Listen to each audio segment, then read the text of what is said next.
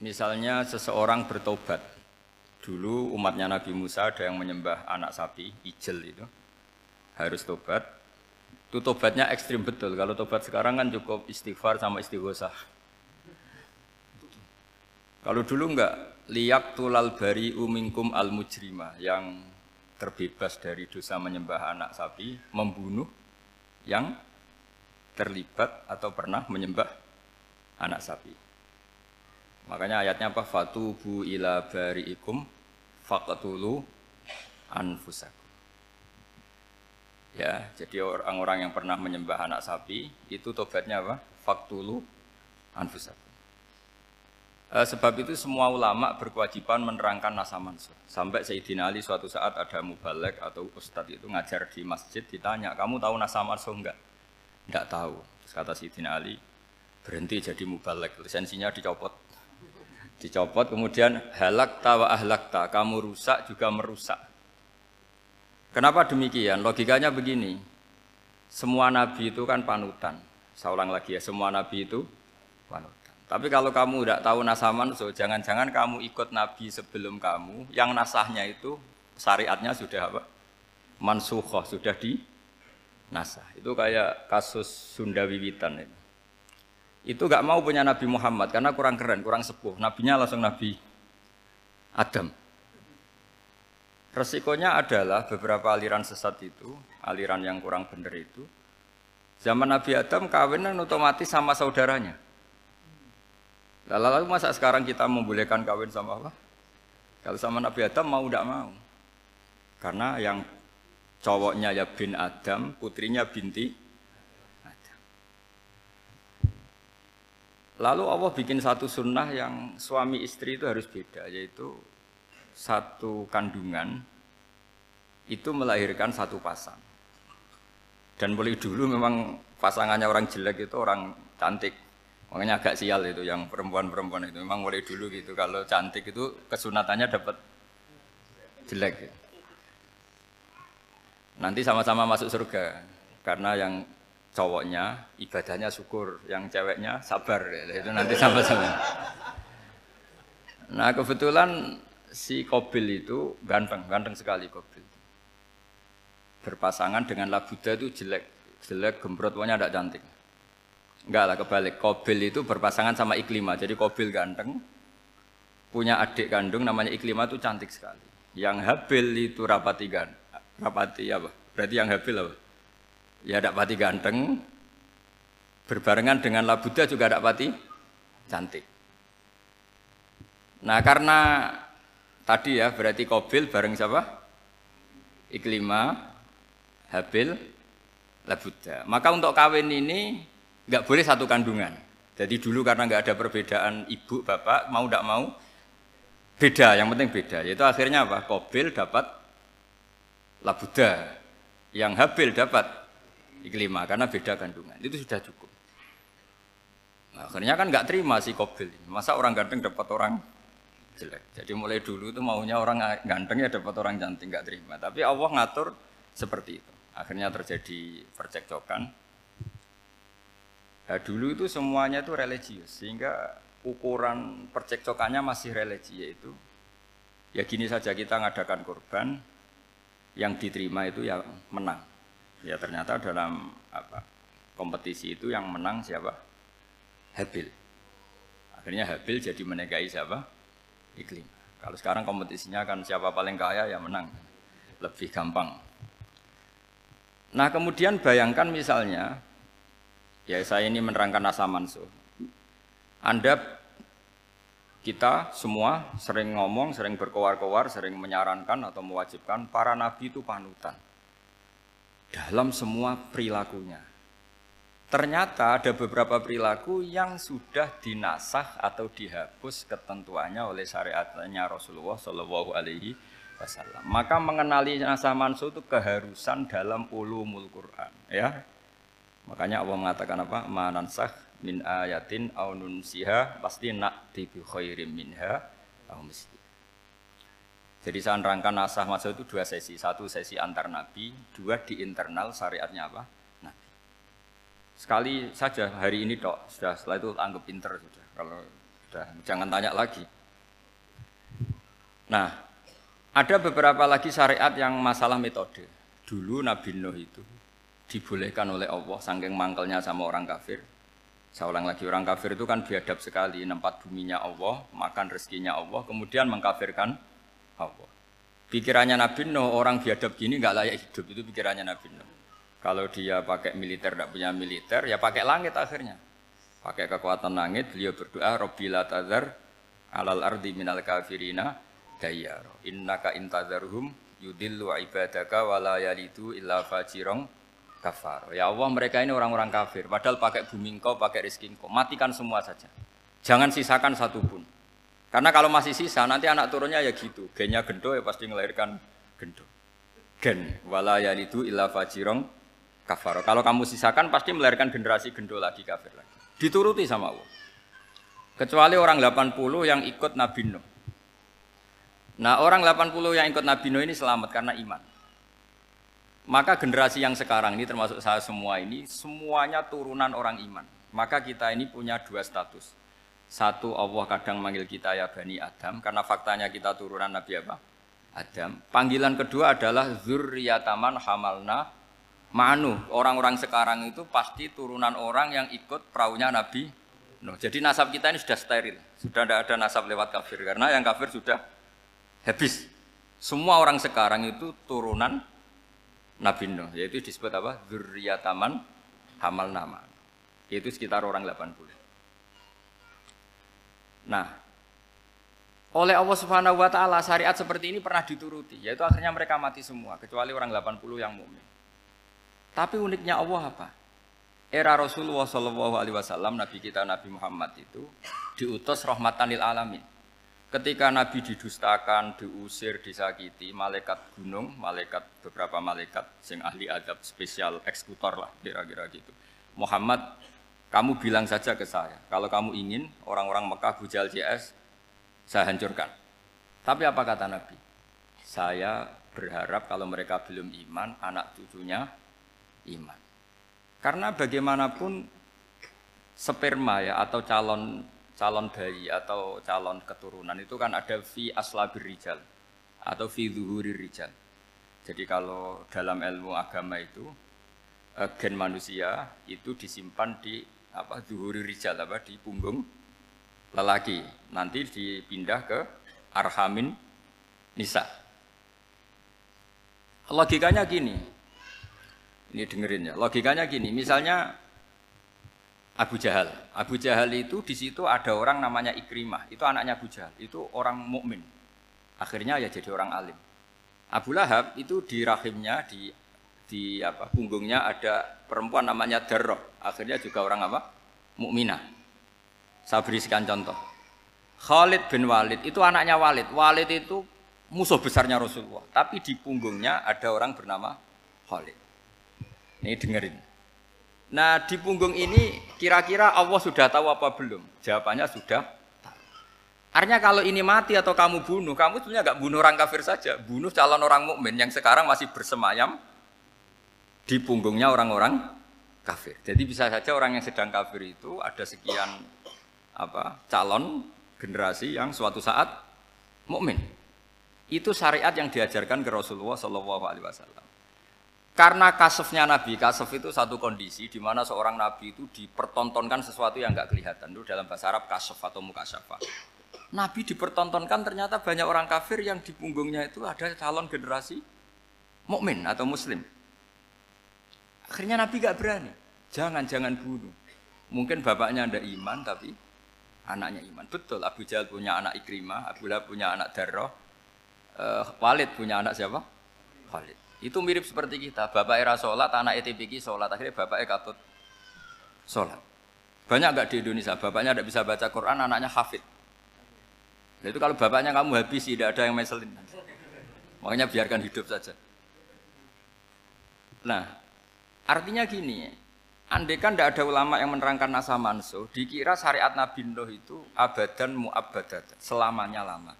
Jika main teror sama orang kafir sah berdasar Nabi Nuh. Padahal kita sudah ganti Nabi. Yaitu syariatnya Rasulullah Shallallahu Alaihi Wasallam masyur itu ketika Nabi ngendikan Saya tidak minta mereka dihukum, tapi ya Allah saya minta Allah mahdi kaumi fa innahum layak lamun. Mereka kafir itu karena tidak tidak tahu. Sehingga ada periode. Loh kalau perang itu beda, perang itu konteksnya duel, itu tidak harus sama Abu Jahal, Abu Lahab. Ada penjahat mau bunuh kamu, kamu wajib perang nggak? Wajib. Penjahatnya meskipun muslim apa harus kafir? Meskipun muslim. Maka kata ulama fikih sebetulnya perang duel itu bukan syariat muslim sama kafir tok. Masih muslim sama muslim, misalnya ada orang mau merkosa istri kamu, terus dia pamit gini, saya muslim loh, beri hak loh. Nggak bisa. Saya penjahat loh, muslim, jadi kamu nggak boleh merangin saya, ngelawan saya. Saya kan muslim. Nggak bisa, tetap harus di dilawan.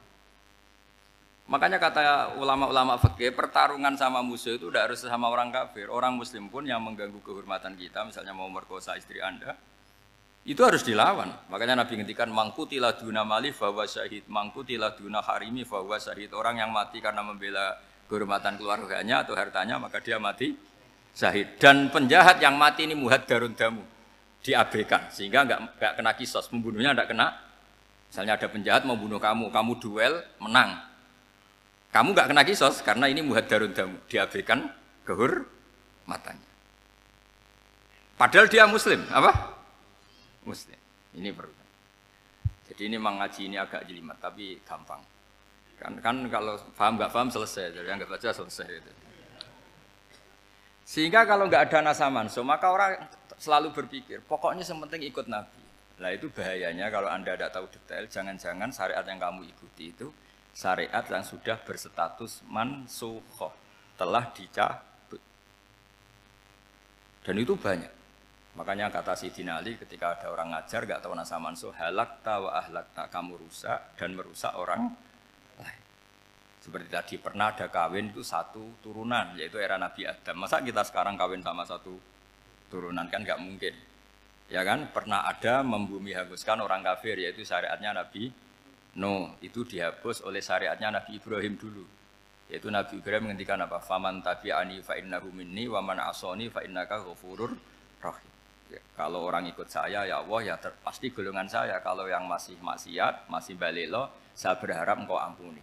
Akhirnya banyak orang kafir tobat. Coba era Rasulullah itu semua orang kafir Mekah itu kafir. Nabi belum wafat. Itu sudah ada 114 ribu mukmin semua.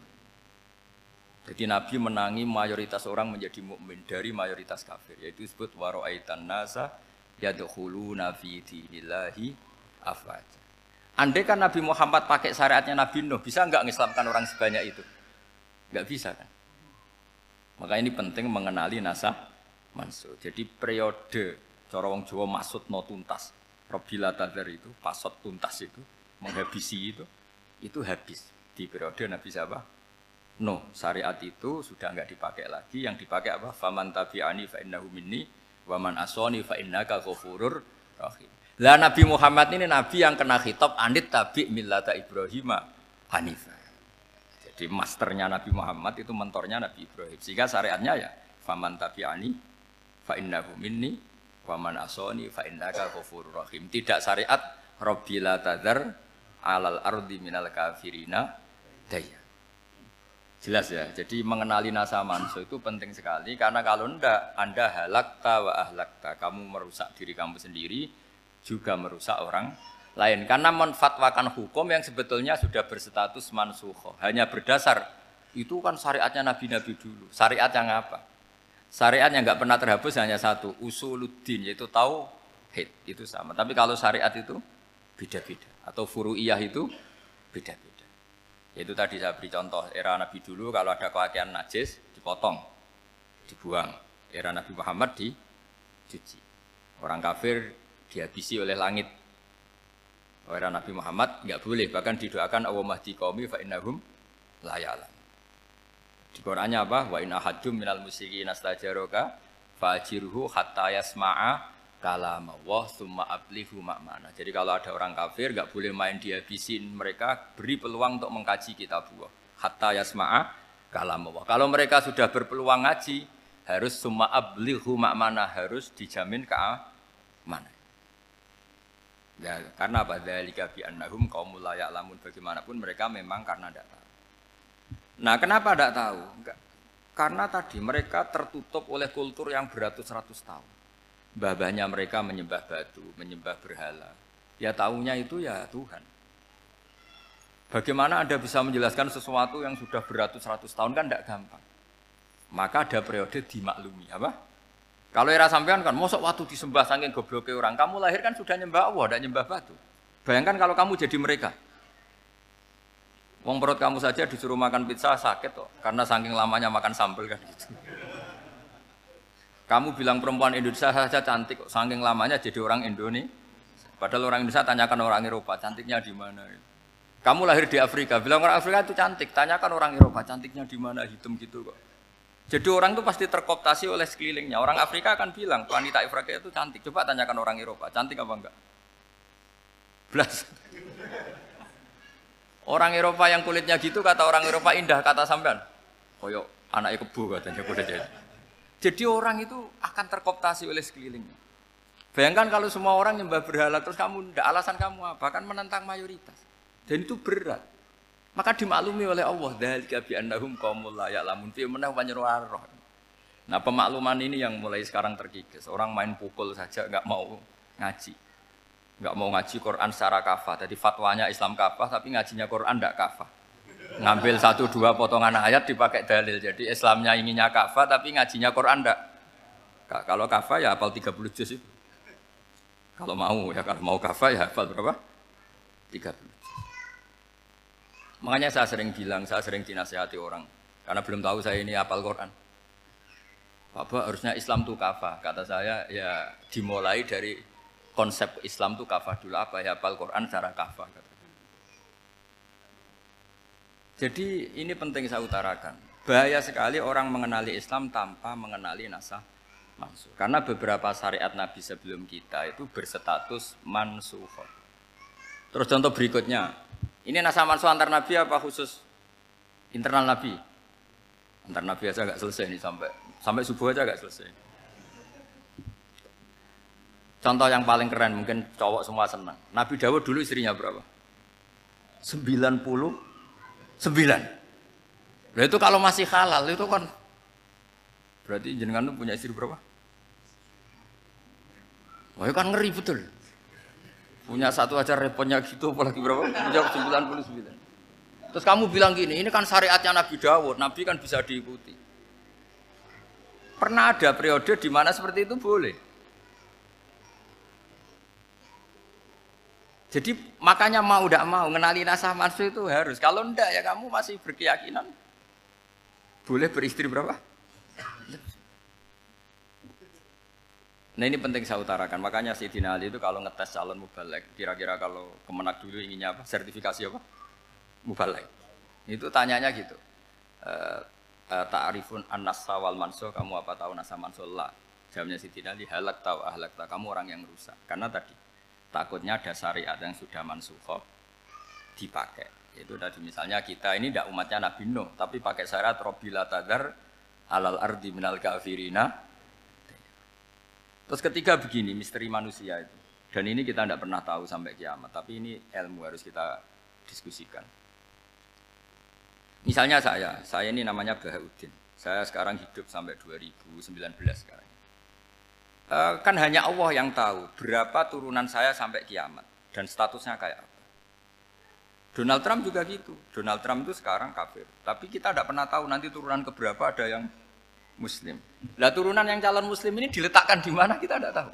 Yang jelas kalau kamu bunuh itu katut itu. Artinya gini, logika membiarkan orang kafir itu ya ada logikanya.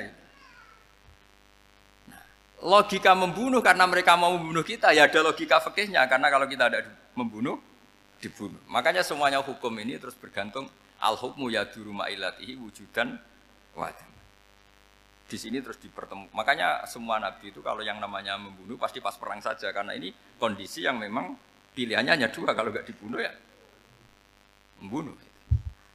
Ada duel lah itu. Maka ini butuh kajian fikih dan orang nggak boleh subjektif dalam hal ini. Saya ulang lagi tidak boleh subjektif karena tadi Orang yang kamu katakan sekarang misalnya Zaid, kamu itu bodoh sekali. Kenapa bodoh? Tidak apal Quran, nggak pernah kuliah, nggak pernah ngaji.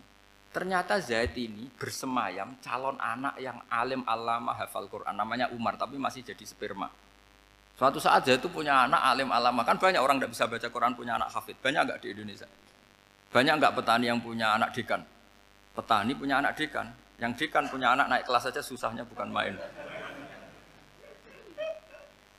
Banyak kan?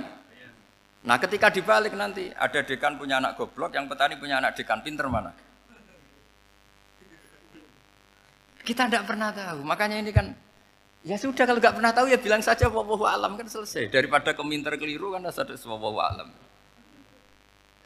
Makanya cerita favorit guru saya, Kiai Haji Maimun Zubair itu punya apa namanya Kiai Zubair. Itu cerita favoritnya itu ada santri namanya Soleh. Soleh itu alim alama.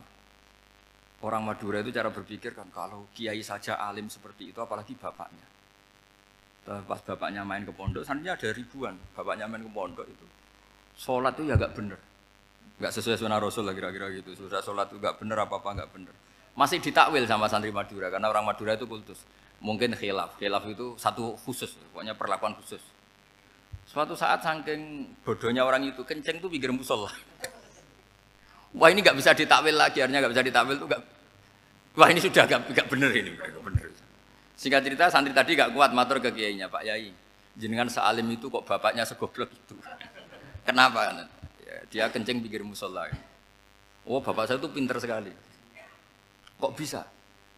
Karena beliau yang memutuskan saya mondok sampai saya jadi alim alama seperti ini. Yang bodoh itu mbah saya.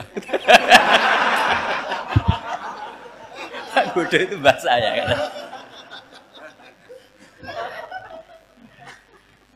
Artinya gini, sekarang misalnya Anda dekan, atau Anda rektor, atau Anda profesor, atau Anda kiai top, mubalek kondang. Anda mubalek kondang terus punya anak, gobloknya bukan main. Atau apalagi anaknya ketangkep KPK. Yang satu anaknya orang bodoh jadi dekan. Kalau kompetisi ini pinter mana coba? Ada ahli metodologi, tapi anaknya itu terlibat narkoba.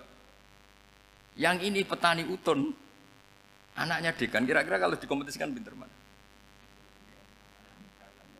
Anaknya pinter petani tadi. Gitu. Yang ketika petani kamu vonis bodoh gitu. Tapi siapa tahu kalau ini menyimpan calon Paham ya? Kita tidak pernah tahu. Makanya Quran selalu ngajari gini. Dalam ilmu sosial itu wa in adri la allahu fitnatul lakum wa mata'un ila. Dalam ilmu sosial itu kita harus jawab tidak tahu, tidak tahu, tidak tahu. Karena mudah. Makanya saya tadi pagi ngaji di direktorat saya bilang, saya pernah diprotes orang, Gus kamu udah jelas, 01 apa 02. Ya saya jawab, manusia itu makhluk yang paling gak jelas. Gitu. Sekarang soleh suatu saat bisa saja gak soleh. Yang sedang gak soleh suatu saat soleh. Sesuatu yang mungkin rubah kok kamu fanatik itu gimana? Nalarnya itu gimana? Coba kita tahu dulu, Wahsi itu pembunuh Hamzah, akhirnya mati mukmin ya enggak? Padahal orang yang sangat dibenci Rasulullah karena membunuh Sayyid siapa? Hamzah. Sa'labah yang tukang itikaf di masjid akhirnya suul Fatimah. Kita tidak pernah tahu. Nah kalau nggak pernah tahu ya tidak usah terlalu fanatik biasa saja. Kayak jenengan seneng saya itu ya saya tidak tahu sampai kapan ya tidak tahu. Saya seneng sampai sampai kapan ya tidak tahu. Kayak suami istri itu. Pas nikah harmonis bulan madu sampai kapan bertanya Yang jelas paling awet itu pasangan jelek itu pasti nggak awet. Makanya jadi guyonan tuh. Pasangan tuh jangan baik-baik gak awet. Kalau jelek itu awet. Ternyata maksudnya cantik, sama ganteng. Itu suatu saat pasti jadi jelek. Yang jelek sama jelek pasti jelek terus. Makanya jadi aja.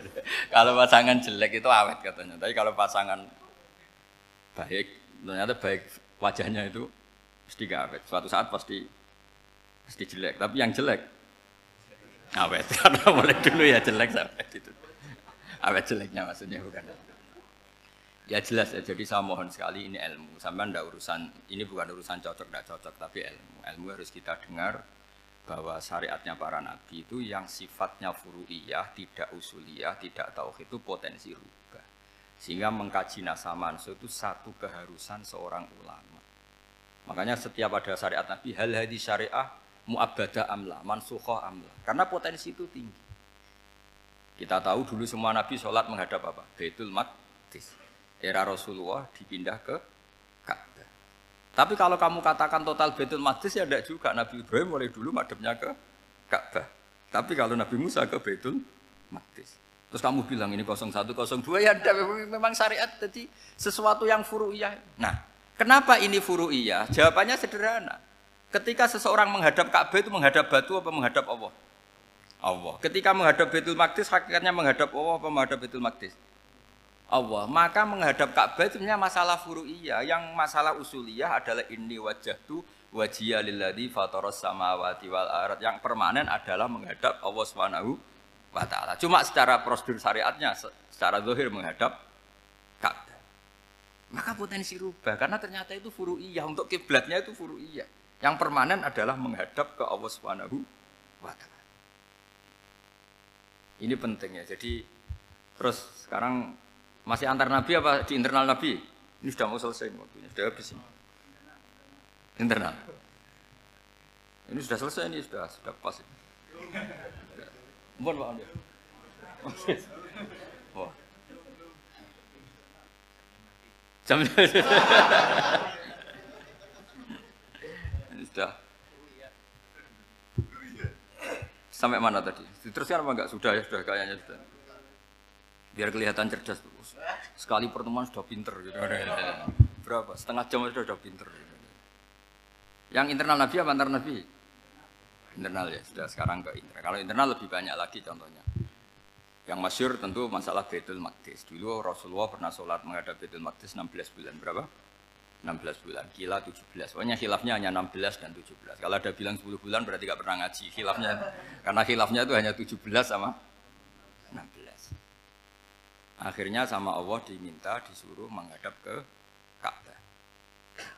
Saya ulang lagi, itu tetap masalah e, antar nabi sebetulnya. Begini, makom itu kalau dalam bahasa Arab bukan kuburan. Kalau di Indonesia kan makomnya Sunan Bonang itu kan kuburan. Kalau makom dalam bahasa Arab itu sesuatu yang pernah dipakai singgah itu namanya apa? Makom. Lalu Rasulullah itu pertama di Medina itu madu Baitul Maqdis itu 16 bulan.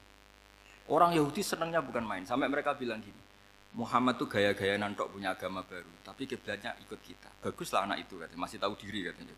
Bagus katanya itu masih tahu diri. Jadi senangnya bukan main orang Yahudi. Karena kiblatnya Muhammad sama dengan mereka. Ya tentu mereka jangkar Muhammad, bukan bukan Sayyidina Muhammad atau Rasul Muhammad karena mereka masih gak iman.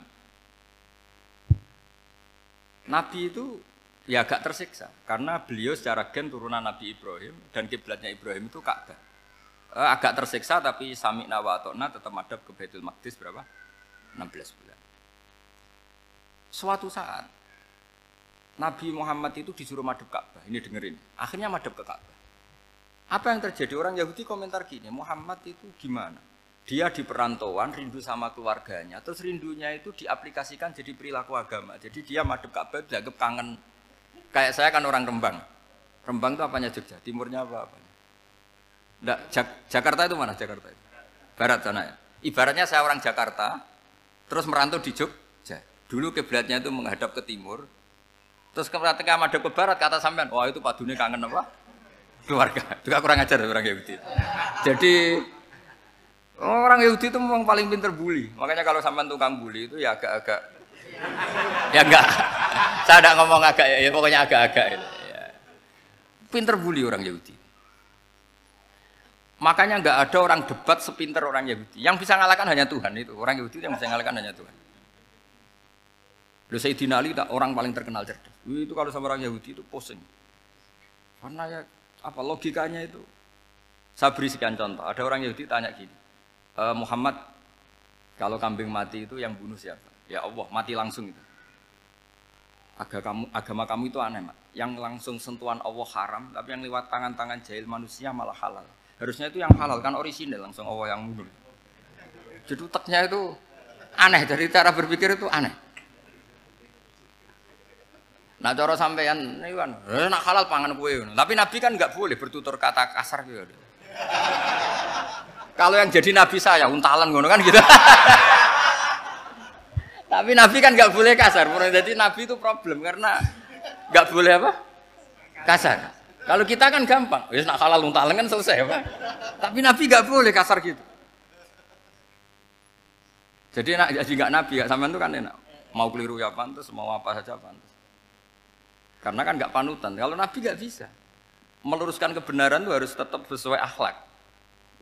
Ya jadi agak kerepotan. Makanya punya Umar alhamdulillah ada yang yang nggak perlu aturan itu. Jadi jadi, jadi, jadi enak. Jadi ya itu memang memang aturannya harus itu. Coba Nabi itu perang tapi nggak boleh bunuh. Kayak apa susahnya? Beliau jadi sasaran tembak tapi nggak boleh bunuh.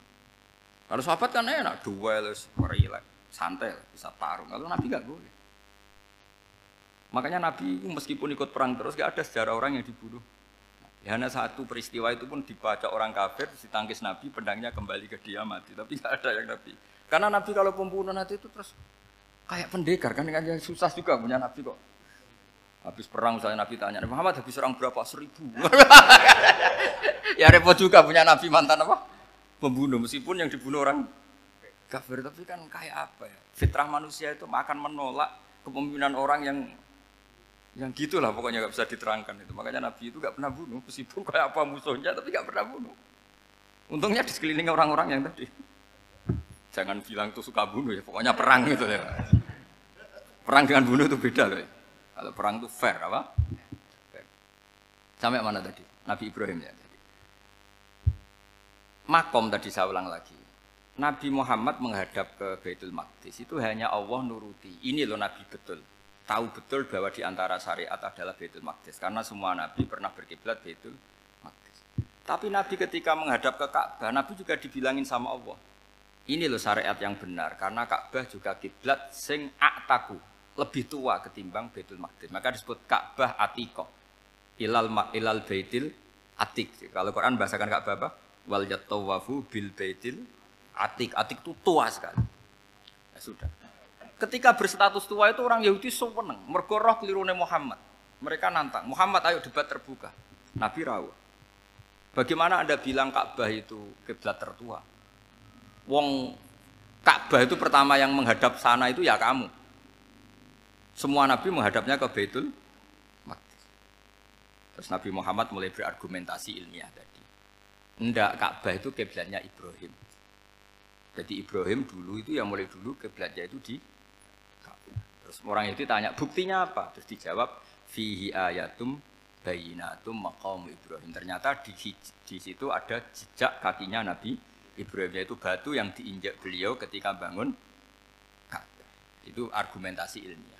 Lah barang orang Yahudi kehilangan ilmu itu gobloknya orang Yahudi. Makanya yang bisa mengalahkan Yahudi hanya Allah Subhanahu wa taala. Luang Ibrahim saja golongan kita, pengikut kita. Ibrahim itu pengikut Yahudi. Wah itu Nabi mulai senyum-senyum, mulai tertawa-tawa. Kowe iku goblok ora terdidik. Karena itu ibaratnya kayak kamu bilang Soekarno itu pengagum Puan Maharani. Kira-kira seperti itu. Soekarno itu pengikut Puan karena Yahuda itu Yahuda bin Yakub bin Ishak bin Ibrahim. Saya ulang lagi ya, nasabnya Yahudi ya Pak. Yahuda bin Yakub bin Ishak bin Ibrahim. Jadi Ibrahim itu mbah keempat dari Yahuda. Tapi karena mereka kalah debat, Ibrahim itu pengikut Yahudi itu sama dengan bilang apa? Soekarno itu pengikut Puan Maharani itu kan jadi aneh. Atau Gus Dur pengikut Mbak Yeni atau Basim, Basim Masari pengikut Mbak Yeni itu kan aneh. Wah, akhirnya sama sama Allah diingatkan. Makanya ada ayat ha antum ha ula hajatum fi malakum bi ilm falimatu hajuna fi ma lakum bi ilm. Perjanjian debat ini semuanya harus ilmiah. Tapi kenapa perdebatan Anda malah tidak il, ilmiah? Akhirnya orang Yahudi iftadohu, malu semua. Wah semuanya Muhammad itu satu-satunya kekalahan orang Yahudi. Tapi ayat-ayat seperti ini itu gak populer. Ayat ha antum ha ulai hajastum fi malakum bi ilm falimatu hajuna fi malaysa lakum bi jadi Islam betapa hebatnya Islam. Kalau debat harus ilmiah. Dan kanjeng Nabi menantang, ini perjanjian kita debat ini ilmiah. Kenapa sekarang jadi tidak ilmiah? Yaitu kamu mengatakan Ibrahim itu pengikut Yahudi. Padahal Ibrahim dengan Yahudi itu dulu Ibrahim. Makanya ya mat kalah mat, tapi tetap ra Islam. Tapi Nah, makanya terus Ka'bah dibuktikan ketuaannya lewat apa? Fihi ayatum bayinatum maqamu Ibrahim. Itu bukan makom kuburan. Karena makamnya Nabi Ibrahim tetap Hebron, tempat Palis, Palestina. Kira-kira itu Palestina. Jadi Israel jangan Israel, boleh menang di. Jadi Israel jangan Israel, jadi Palestina nih saya pernah ziarah ke sana di Hebron. Di makamnya Nabi siapa? Ibrahim. Jadi jelas ya. Jadi nasa mansu itu ketentuan yang dikehendaki Allah Subhanahu wa taala untuk menguji loyalitas manusia menanggalkan semua akalnya. Makanya saya mohon sekali siapa pun yang ngaji saya di mana pun sekali-kali manusia itu harus menanggalkan akalnya. Sekali Anda pakai akal, maka Anda akan ingkar dengan nasa mansu. Nasa mansu itu hukum yang direvisi, yang dibatalkan. Makanya orang Yahudi lagi-lagi pinternya orang Yahudi. Merovokasi orang-orang yang Islamnya belum kuat, diprovokasi gini Ungzuru ila Muhammadin tahayyara fi din yukhillu yauman wa yuharrimu ukhra. Lihat itu Muhammad, dia kebingungan cara beragama. Kadang bilang A, besok bilang B. Jadi nak sama mansub dianggap satu bentuk kebingungan. Gak kurang ajar tapi. Wah, akhirnya sebagian orang yang murtad. Makanya nasa manusia itu satu peristiwa yang menjadikan banyak orang murtad. Karena diprovokasi orang Yahudi bahwa itu bentuk kebingungan Muhammad. Akhirnya terus saya kulu sufa umnan nasi mawallahum angkiblati mulati kanu Nah, kelirunya orang Yahudi adalah ternyata nasah mansuh yang dipilih Rasulullah itu semuanya ada di Taurat dan Injil. Termasuk di Taurat dan Injil disifati dan Nabi yusolli ilal kiblatin bahwa Nabi ini akan bersolat dengan dua kiblat. Makanya tetap ditantang. Kul faktu bitoroti fatluha in kuntum sodikin. Kalau kamu tidak percaya bahwa saya ini orisinil, ayo bareng-bareng mengkaji Taurat. Tapi mereka tidak siap mengkaji Taurat. Karena Taurat semuanya mendukung Rasulullah Muhammad Shallallahu Alaihi Wasallam. Fatluha in kuntum Makanya ini penting sekali ngaji. Jadi perdebatan itu macam-macam. Dan itu pinternya orang Yahudi. Ungzuru ila Muhammadin tahayyara fi ini. Yukhillu yaman wa yuharrimu ukhra. Ini penting sekali. Makanya nasa mansu itu uji loyalitas. Itu Imam Malik kalau mencontohkan ke Imam Syafi'i. Saya berisikan contoh fakih. Ini saya melanggar waktu ini. Ini sudah saya, saya, saya yang tidak mengesahkan diri saya. Ya misalnya ini ya, ini kertas saya bawa ya, ini kertas saya bawa. Terus ini tak kasih uang misalnya, uang 100 ribu. Atau kalau contoh Imam Syafi'i dulu dididik Imam Malik begini. Ya Syafi'i kalau kamu punya dua budak, dua pembantu, kalau dulu kan masih ada budak, dua pembantu lah kira-kira. Seneng mana, yang cerdas sama yang goblok? Eh, seneng yang cerdas. Kalau yang nurut sama yang bantahan, seneng yang nurut. Lah yang nurut itu yang goblok. Makanya tinggal dibalik saja. Kamu tak beda ya. Seneng mana punya istri yang cerdas apa yang goblok? Coba coba. Atau ibu-ibu mbak-mbak ini, seneng mana punya suami yang cerdas atau yang goblok? Kalau cerdas gak bisa diakali. Tapi goblok nurut tapi ya kadang di sini-sini kan di sini. Nah, itu kan antar manusia. Masalahnya kita menghadapi Allah Subhanahu wa taala yang semua kita pasti bodoh. Kita menghadapi Allah Subhanahu wa taala yang semuanya kita pasti bodoh. Allah jelas ngendikan wa kanal insanu dzaluman jauhlah manusia itu banyak dolimnya. Dolim itu sifat mubalaghah. Kalau orang dolim sekali dolim, kalau sering dolum, kalau jahil biasa jahil, kalau banget jahili jahul. Bahasa Arab kan gitu memang. Ghafir pengampun biasa, kalau ghafur selalu mengam uni, syakir. Makanya sifatnya Allah Ta'ala ikut, ikut wazan fa'ul semua, ghafur, syakur. Atau diikutkan wazan fa'al. Kalau goblok biasa jahil, goblok banget jahal kan itu. Kafir biasa kafir, kalau kafir banget kafar. Ya, jadi wazan balagha itu bisa fa'al, bisa fa'ul ya. Kafirin, kafar atau kafur. Paham ya? Malah kok malah ngaji nahu. Ya, tapi ini memang perangkatnya ya. Ini kan perang mau tidak mau, mau tidak mau.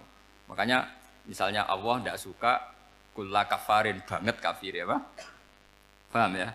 Kulla khawanin banget khianate. Kalau khain khianat biasa, kalau khawan sering khianat. Lah manusia itu kata Allah apa? Doluman. Wis banget dolime, banget.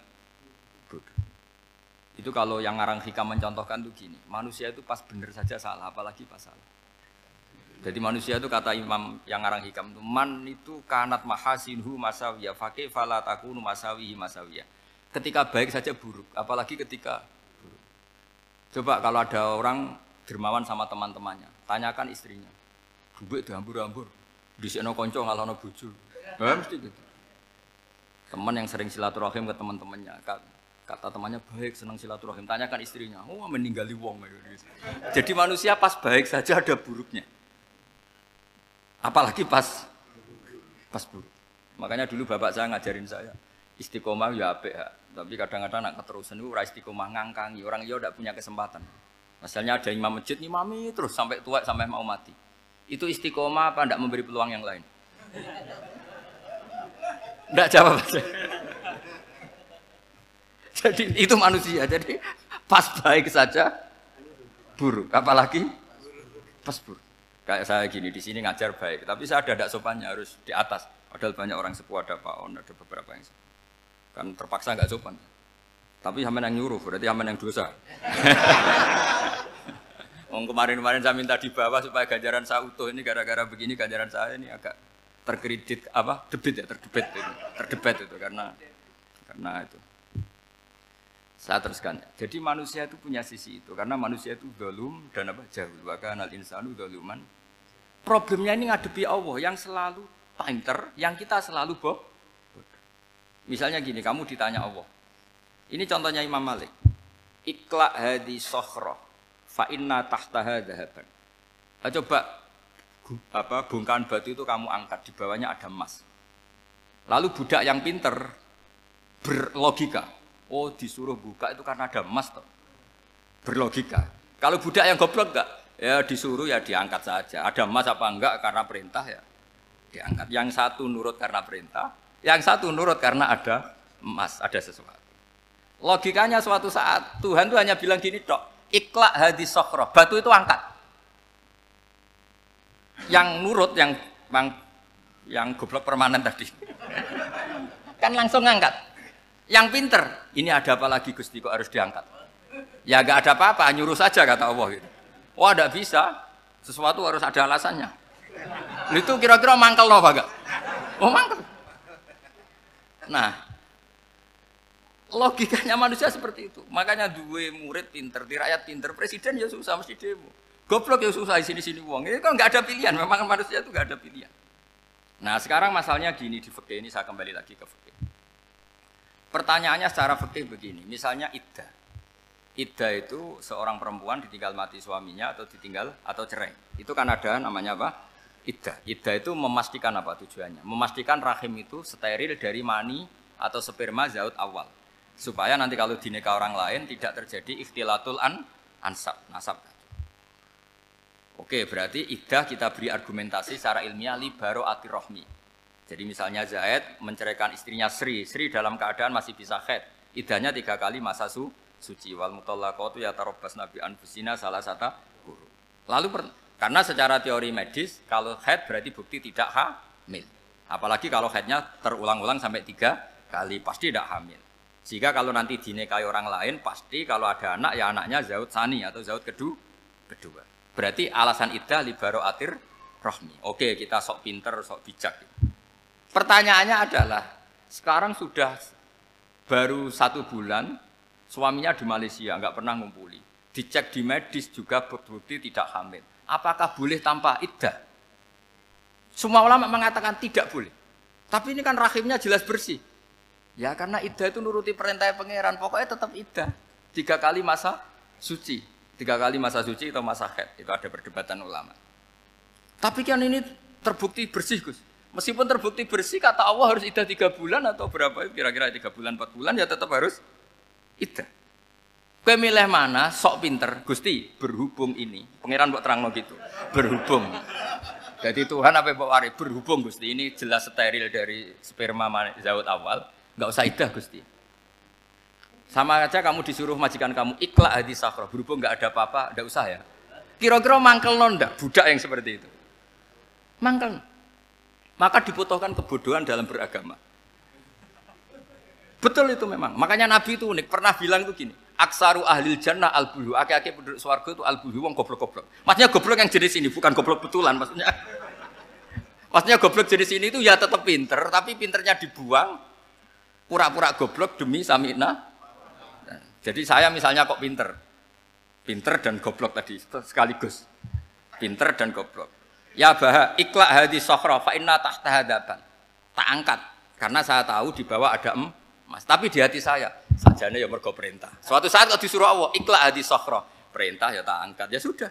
Jadi ya pinter ya goblok.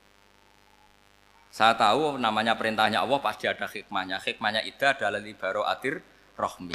Tapi hikmahnya jadi kawulo adalah nurut perintah Allah, cek tahu alasannya maupun ti, Tidak. Lah di sini ada illatul hukmi untuk membangun kecerdasan, tapi ada loyalitas untuk membangun ubudi. Ya, bahwa kita ini kawul roh roh tetap lo loyal. Makanya tadi pagi saya cerita Sayyidina Umar. Sayyidina Umar kayak apa cerdasnya? Tapi tetap ubudi ya. Yaitu Rasulullah SAW sering dibully orang kafir. Muhammad tuh gaya-gaya nantok. Wong rawleh nyembah berhala, rawleh nyembah watu, nyembah watu. Jebule dia nyembah hajar aswad. Karena dilihat dari jauh kan tetap nyium hajar aswad. Coba kalau kamu lihat dari jauh, kamu sud dari jauh kan kayak sujud sama batu. Makanya Sayyidina Umar karena orang kafir masih cara berpikir gitu, tiap nyium hajar aswad itu komentar, gedumel. Alim tu annaka hajarun la tadurru wa la tanfa. Walau la anni ra'aitu Rasulullah qabbalaka ma qabbal. Bukan. Aku roh nak watu ya ora mandoroti ra manfaati. Kalau saja saya tidak melihat Nabi nyium kamu, saya tidak sudi nyium kamu. Jadi tidak berdoa doa mustajab itu tidak berutu. Karena apa? Umar tahu ini masalah secara tauhid. Kalau saya doa depan Hajar Aswad nanti dikira sirik karena berdoa di depan batu. Tapi kalau saya tidak nyium nyulai, nyulayani sunnah Rasul yaitu nyium Hajar Wis tengah-tengah nyium sambil gerutu, itu sudah kompromi. ya nyium tapi gerutu. Kayak apa? Makanya ya, ya cerdas tapi ya goblok tadi ya, ya cerdas itu uniknya Rasulullah. Jadi muji orang pintar ya sudah langit. Tapi Nabi pernah dalam satu hadis mengatakan aksaru ahlil jannah al bulbu. Aki-aki penduduk swargo itu orang bodoh. Artinya orang bodoh itu bukan bodoh betulan. Dia meninggalkan akalnya demi loyalitas ubu ubudi. Nah, untuk menutup sesi ini, ini terakhir betul, tak tutup setelah ini selesai. Untuk menutup itu bukti begini, perang Badar itu perang yang nggak mungkin dimenangkan umat Islam karena orang kafir itu seribu dengan pasukan full dengan peralatan perang full. Rasulullah itu tahun kedua Hijriah itu pasukannya hanya 313. Itu pun pedang itu untuk orang lima itu hanya ada pedang satu. Jadi kalau mau dibaca orang, sih kamu nilai pedangnya aku. itu kan nggak nggak kebayang perang dalam keadaan seperti itu. Jadi mesti kalah, orang kok mungkin kalah, mesti. Tapi Nabi tetap bilang, saya ini disuruh Allah perang, ya harus berangkat. Yaitu perang Badar. Kata para sahabat, ya Rasulullah ini nggak masuk akal, sudah nggak usah perang ini nggak masuk akal, mau setor nyawa. Sudah gitu dadaan, nggak ada persiapan. Lucunya apa? Sahabat itu ketika Nabi, Nabi tetap berangkat. La akhrujan walau wakti. Nabi menginginkan saya tetap berangkat meskipun sendi sendi. Setelah Nabi berangkat sekian meter, tuh sahabat ikut semua. Kata Nabi, lah kamu kok ikut? Ya ikut saja. Kata kamu mesti kalah. Ya anggap saja setor nyawa. Demi loyalitas pada jenengan. Itu makanya nggak ada periode sebaik periode sahabat. Tapi yang gerutunya jalan. Karena gerutu ini bawaan ilmiah. Makanya kita loyal sama presiden. Tapi yang nggak cocok ya gerutunya jalan. Tapi bawaan mencintai Indonesia tetap jaga stabilitas. Itu bawaan cinta Indonesia, bukan cinta pejabatnya kadang. Gerutunya jalan, tapi bawaan loyal sama Indonesia tetap mengaku mengaku. Bawaan loyal sama Rasulullah tetap ikut perang, bawaan akal karena nggak masuk akal ya gerutu. Dan itu uniknya Quran itu mengapresiasi itu dan dianggap nggak masalah. Saya bacakan ayatnya. Kama akhrajaka rabbuka min baitika bil haqq wa inna fariqam minal mu'minina lakarihun. Yujadilunaka fil haqqi ba'dama tabayyana ka'annama yusaquna ilal mauti wa hum yanzurun. Peristiwa Badar ada peristiwa kamu itu keluar untuk perang. Sahabat kamu ngikuti, tapi mereka lakarihun, enggak senang sebetulnya. Karena enggak masuk akal. Ya geremeng tapi ya derek. Yujadilunaka fil mereka mendebat kamu dalam kebenaran. Jadi ya, ya Rasulullah wong perang karuan kalah jenengan lakoni alasannya nopo? Lah kok melok? Ya saya harus ikut jenengan kan jenengan Nabi. itu unik. Kalau orang sekarang mana mau kalau nggak masuk akal nggak mau melakukan. Coba misalnya istri kamu belajarnya dikurangi. Anggap saja petualangan latihan hidup di masa lalu. Nggak mau. Padahal petualangan itu hal yang indah. Petualangan itu kan hal yang indah. Kan nggak mau. Oh ngirit alasan. Tapi lucunya kalau dijak camping bermiskin-miskin di hutan mau. Karena karena PDW, tapi nak suami yang ngongkon. Ayolah seminggu ini kita model miskin, anggap saja petualangan masa lalu. Enggak mau. Karena pinter, apa? Coba kalau bodoh. Ya ngono ya apa Mas. Tapi resiko nak bodoh, pas kamu sakit ya dibiarin.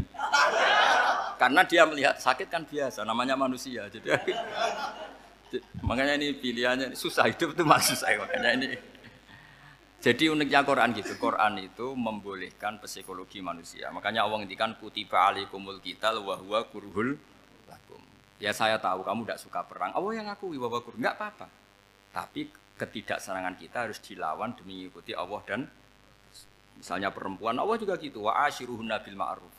Gauli istri kamu muamalah secara baik. Kata Allah fa in karihtumuhunna fasa antakrohu syai'a wa ja'alallahu fi khairan kasira. Mungkin ada watak yang kamu tidak suka, tapi di situ ada kebaikan.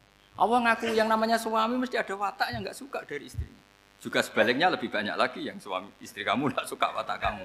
Juga nggak suka hidung kamu, wajah kamu banyak lah nggak disuka. tapi demi kestabilan negara suami istri ini, mereka lo loyal. Justru itu bagus. Maka jagalah ilmu, juga jagalah loyalitas. Itu yang perlu saya utarakan. Jadi makanya agama ini dibangun dua. Satu kecerdasan hikmah, yaitu ya al-hukmu ya duru ma'ilati wujudan wa adaman. Tapi juga ada ubudiyah, bahwa agama ini milik Allah. Maka sami'na wa Karena begini logikanya, saya ulang lagi masalah batu. Iklak hadis sokhro fa inna tahta hadaban. Terus saya angkat. Pembantu saya ngangkat. Dia saya gaji atas nama apa? Nurut kan? Atas nama menemukan emas apa atas nama nurut? Nurut karena emas itu juga penemuan saya milik saya. Ngangkat batu yang nggak ada emasnya juga atas nama nurut. Jadi rapot yang saya berikan ke pembantu saya, saya itu tentang nurut dan tidak nurut. Saya kan tidak peduli dengan cerdas dan tidak cerdas. Itu kan tidak sesuatu yang menguntungkan saya. Nah Allah juga gitu. Kecerdasan kamu, pinter kamu itu tidak menguntungkan Allah subhanahu wa ta'ala. Karena Allah itu tidak butuh pinter kamu, cerdas kamu. Allah hanya butuh mental ubudiyah kamu. Makanya Allah mensifati nabinya hanya subhanalladzi asro bi abdihi karena status tertinggi manusia adalah sifat kehambaan. Makanya ya ayat Tuhan nafsul mut inna irji'i ila rabbiki radiyatam mardiyah fadkhuli fi ibadi berstatuslah sebagai hamba baru wadkhuli jannah. Nah kalau kamu berstatus hamba ya harus baik, gak usah kalian bantah. Coba kalau kamu rasional, ya Allah kenapa bikin surga nanti-nanti? Engkau kan bikin bikin sekarang, ngapain repot-repot nanti? Jadi kacau semua agama. Makanya yang perlu didahulukan adalah status fat apa ya ya Tuhan nafsul mutmainnah irji'i ila rabbiki radiyatan mardiyah fadkhuli fi ibadi. Masuklah berstatus sebagai hamba saya. Khasnya hamba tadi ya cerdas karena semua yang diperintahkan Allah pasti ada hikmahnya. Tapi kecerdasan ini kadang kita tinggalkan demi loyalitas ubu. Assalamualaikum warahmatullahi